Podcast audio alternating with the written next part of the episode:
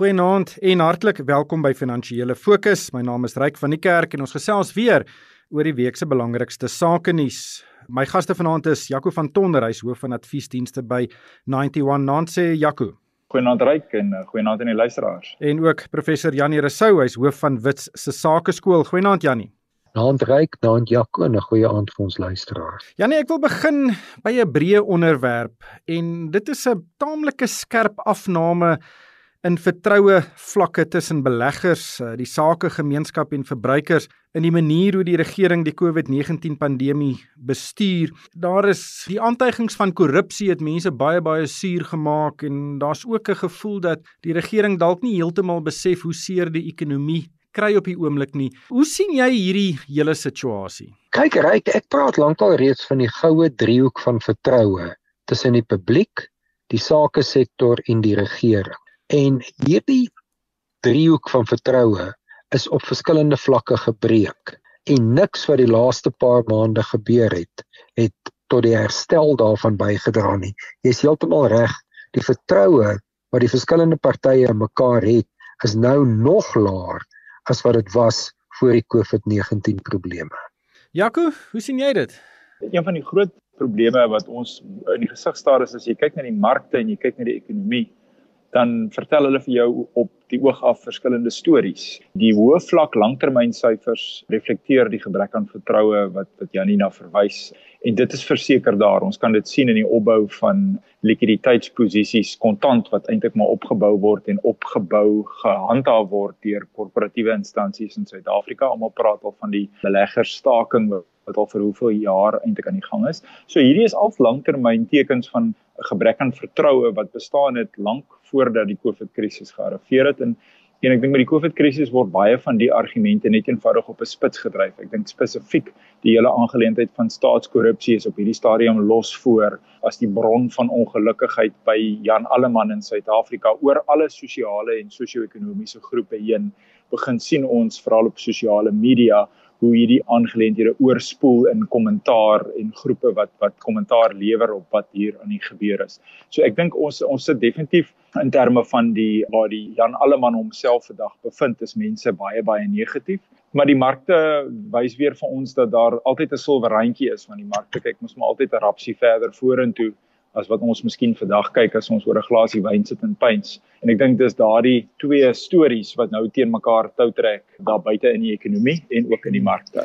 Daar's ook 'n ander internasionale gevalle studie wat homself nou uitspeel en dit is wat in Turkye gebeur. Ons sien die Turkse lire is besig om sy wind uit te val tot rekordlaagtepunte oor kommer oor die spoed waarteen daardie ekonomie gaan herstel. Wat dink jy kan ons nou inlees oor wat in Turkye gebeur?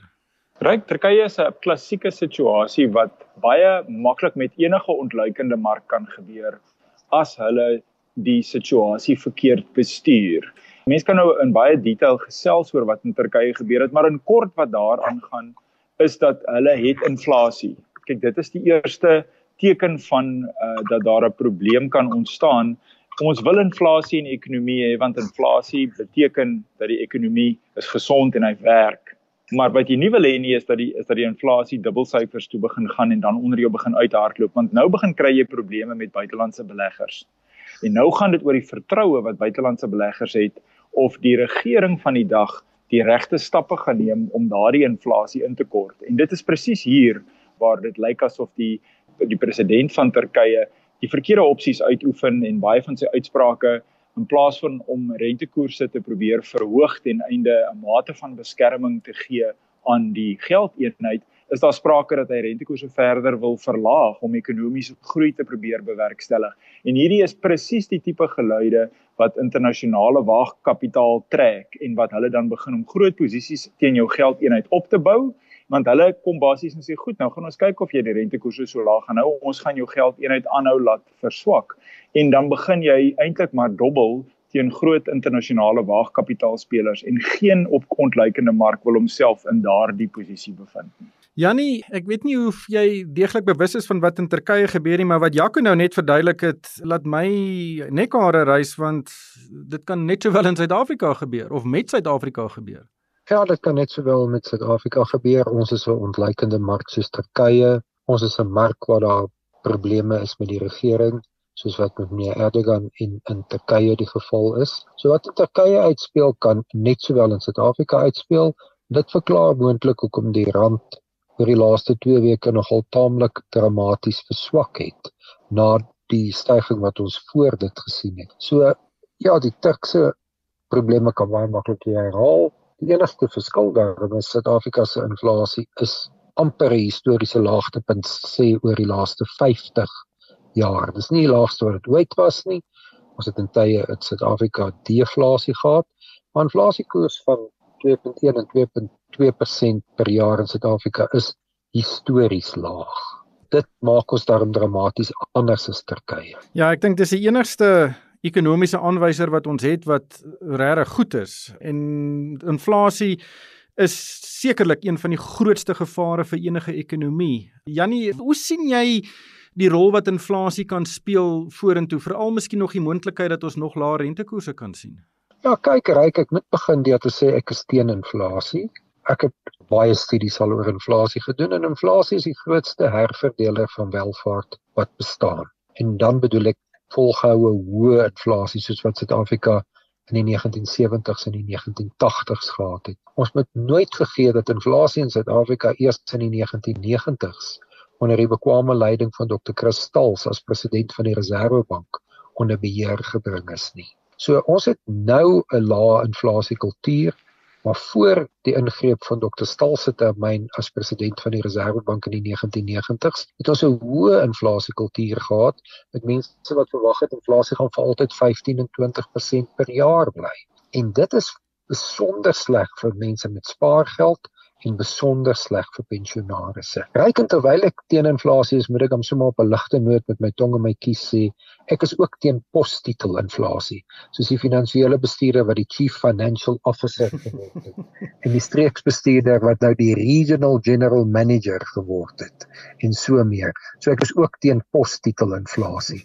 Daar is die gevaar vorentoe dat inflasie in Suid-Afrika kan versnel vir alles die regering dit wil gebruik om die fiskale afgrond af te weer. Op die stadium is inflasie so laag bly, kan rentekoerse nog verder daal. Jaco, ek wil terugkeer na iets wat jy vroeër gesê het en en dit is die markte internasionaal en ook in Suid-Afrika wat die afgelope paar weke wesentlik gestyg het. In Suid-Afrika se geval het ons self het ons die hoogste vlak bereik sedert die begin van die jaar en ons weet natuurlik wat gebeur het in Maart en April wat ons een van die mees aggressiewe ineenstortings in 'n lang tyd gesien het. En en dis asof die die markte heeltemal ongekorreleerd is oor die kommer oor wat in Suid-Afrika gebeur. Hoe sien jy dit? Is daar 'n is daar 'n rasionele verduideliking daarvoor? Die eerste ding wat 'n mens moet onthou is dat hoe sleg dit gaan met 'n land het, is is beide of hoe goed dit gaan moet 'n mens meet beide in absolute terme met ander woorde relatief tot die geskiedenis van daardie betrokke land maar ook altyd relatief tot die wêreld se ekonomie op daai stadium. So wanneer dit met almal sleg gaan, dan gaan dit beter as verwag met die mense waar dit minder sleg gaan as met die res. So Suid-Afrika met al ons probleme en politieke uh, bulte wat ons moet uit het ten minste die voordeel dat dit lyk op die oog af asof die wêreld internasionale beleggersmark Suid-Afrika daarom nog 'n bietjie vertrou in terme van ons ekonomiese strategie. Ons sal sien hoeveel van daardie vertroue en hoe lank dit gaan hou indien van die moeiliker besluite nie deur die regering van die dag aangespreek word nie, maar vir die oomblik gegee ons lae inflasie en gegee dat ons positiewe stappe probeer neem om die ekonomie aan die gang te kry, vaar ons uh, alhoewel ons dink dit gaan sleg in Suid-Afrika dalk 'n rapsie beter as met baie van die van die ander lande.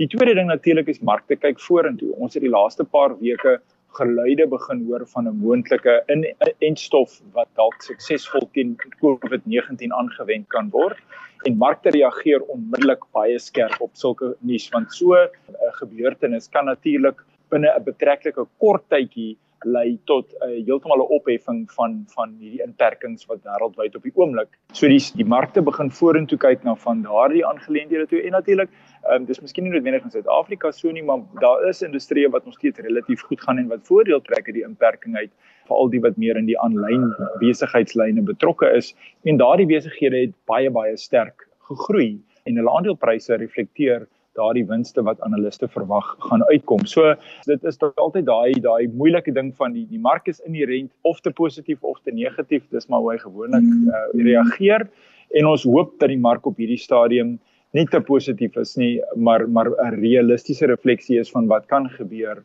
as ons en stof kan kry en indien ons groot gedeelte van die wêreldekonomie weer kan oopmaak. Dis dis die positiewe nuus, maar ek bedoel dan sit 'n mens terselfdertyd met wat in die FSA tussen die FSA en China aan die gang is en dit wys mense hoe vinnig daai silwer randjie ook weer donker gekleur kan word met die handelsoorlog en die aangeleenthede wat nou daar plaasvind en wat ook wêreldwyd 'n impak het ook op die Suid-Afrikaanse beurs Vrydag met 'n dramatiese prysverlaging in in Prosus uh, se aandeleprys as gevolg van die vrese dat Tencent betrokke kan raak en 'n slagoffer kan raak van hierdie bekleierery tussen die Chinese en die Amerikaners. Janie, dis baie interessant. Ek weet nie, weet jy wat is TikTok? Uh kyk, ek kan dit nou vir jou in goeie Engels opsom. I don't speak ICT. So ek Nou TikTok, ek weet wat my dogter speel daarmee en jy maak net 'n kort video's nee, en 'n snaaks en, en hoe op dese aarde dit die middelpunt van 'n internasionale handelsoorlog kan word op hierdie stadium is eintlik ongelooflik. Maar Donald Trump het basies gesê oor my dooie liggaam kan Microsoft vir TikTok koop en en nou is almal weer gespanne. Hoe sien jy hierdie hele storie? Ja, kyk, uh, meneer Trump is 'n interessante persoonlikheid. Uh meneer Trump het nou min of meer gesê in hierdie verkiesing wat kom is die Here aan sy kant. So uh, meneer Trump is natuurlik Amerika se Jacob Zuma. So van meneer Trump moet ons nooit realistiese of rasionele optrede verwag nie. Meneer Trump, hy is regtig 'n nar op die internasionale toneel. As jy my vra wat, my regtig in die nag wakker hou, is die feit dat hy 'n atoombom kan lanseer. Maar meneer Trump het al vreemde besluite geneem. So dis dis moeilik om 'n mens daaroor uit te laat, maar ek ek moet toevoeg, ek is nou nie heeltemal in daai TikTok en Microsoft en hierdie speletjies en ek ek is te oud daarvoor. Jaco, dink jy Trump kan hy rooi knoppie op sy lesenaar druk oor TikTok? nee, ek hoop ek hoop nie so nie, maar mens mens sal hoop as 'n hele groepie mense wat uh, wat hom uh, wat hom sal keer. Maar maar ek dink ek meer Trump het 'n het 'n aantal beloftes gemaak en uh, deel van sy herverkiesing wil hy seker maak dat die aandag op daardie beloftes gefestig is en die mate tot wat hy daai beloftes probeer nakom het en ek dink om China China in die bek te ruk en te probeer om om besigheid terug te bring sy Amerika toe was definitief een van sy groot punte waarop wat hy uh, gepromoveer het tydens die vorige verkiesingsveldtog en definitief deel van sy huidige veldtog vir herverkiesing.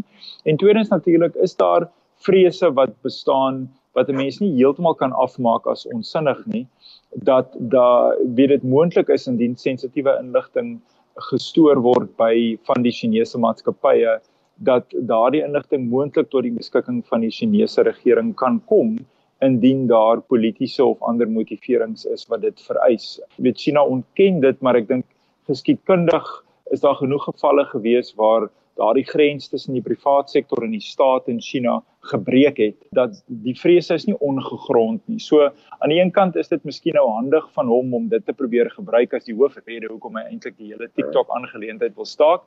Ek stem met jou persoonlik saam. Ek dink nie die inligting wat op TikTok gelaai word is van so 'n aard dat daar internasionale politieke implikasies kan wees indien iemand dit in die hande kry nie. Maar dis 'n uitstekende verskoning vir meneer Trump om te doen wat hy wil doen en eintlik maar te probeer wys dat Amerika nog steeds beheer uitoefen op 'n klomp van hierdie industrieë en dit is eintlik maar 'n magsbewys en 'n beweging van mag. En weer eens, mense moet onthou hy staan op die voorrand van 'n verkiesing en dis 'n verkiesing waar daar uit baie oorde uit voorspel word dat hy heel moontlik mag verloor. So so dit moet alles in konteks van van daardie gebeure gesien word. Ja, interessant. Die laastens Jannie, jy enige kreerande of goudbeleggings?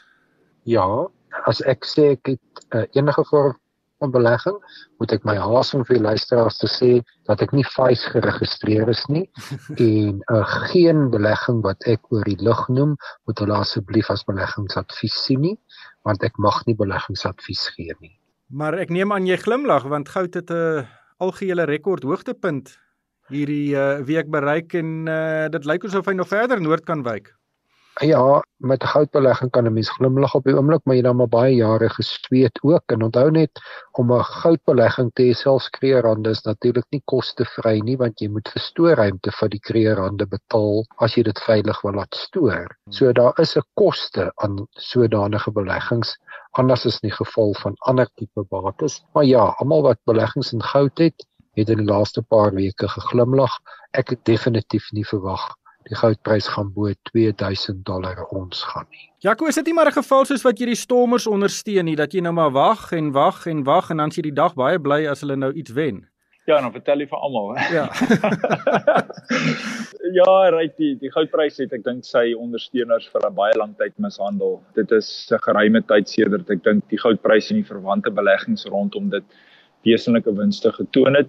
Omdat die goudprys is grootendeels maar 'n indikator van internasionale vrese en dis uh vir 'n lang tyd het die FSA dollar eintlik daardie posisie by die goud indeks en goudprys weggevat waar die FSA dollar eintlik maar die internasionale veiligheidshawe geword het. Maar toenemend soos wat die vrese ontstaan oor oor die volhoubaarheid van die FSA dollar se posisie as eintlik maar die wêreld se reservegeld eenheid, soos wat daardie vertrouensvrese begin groei, begin mense nou maar weer terugval op die ou kaland wat maar nog altyd goud was wat deur niemand beheer word nie wat nie uh, deur deur iemand gemanipuleer noodwendig kan word nie en wat op die harde maniere die grond uitgehaal moet word so dit is asof mense klein bietjie van 'n terugduinsing sien in die denkproses rondom wat is veilig en wat is nie veilig nie soos mense begin vertroue verloor in in waarheen die ekonomie op pad is en werklik of die FSA se ekonomie en en die geldstelsel dieselfde vlak van veiligheid bied wat dit histories vir beleggers gebied het in die laaste 20, 30 jaar.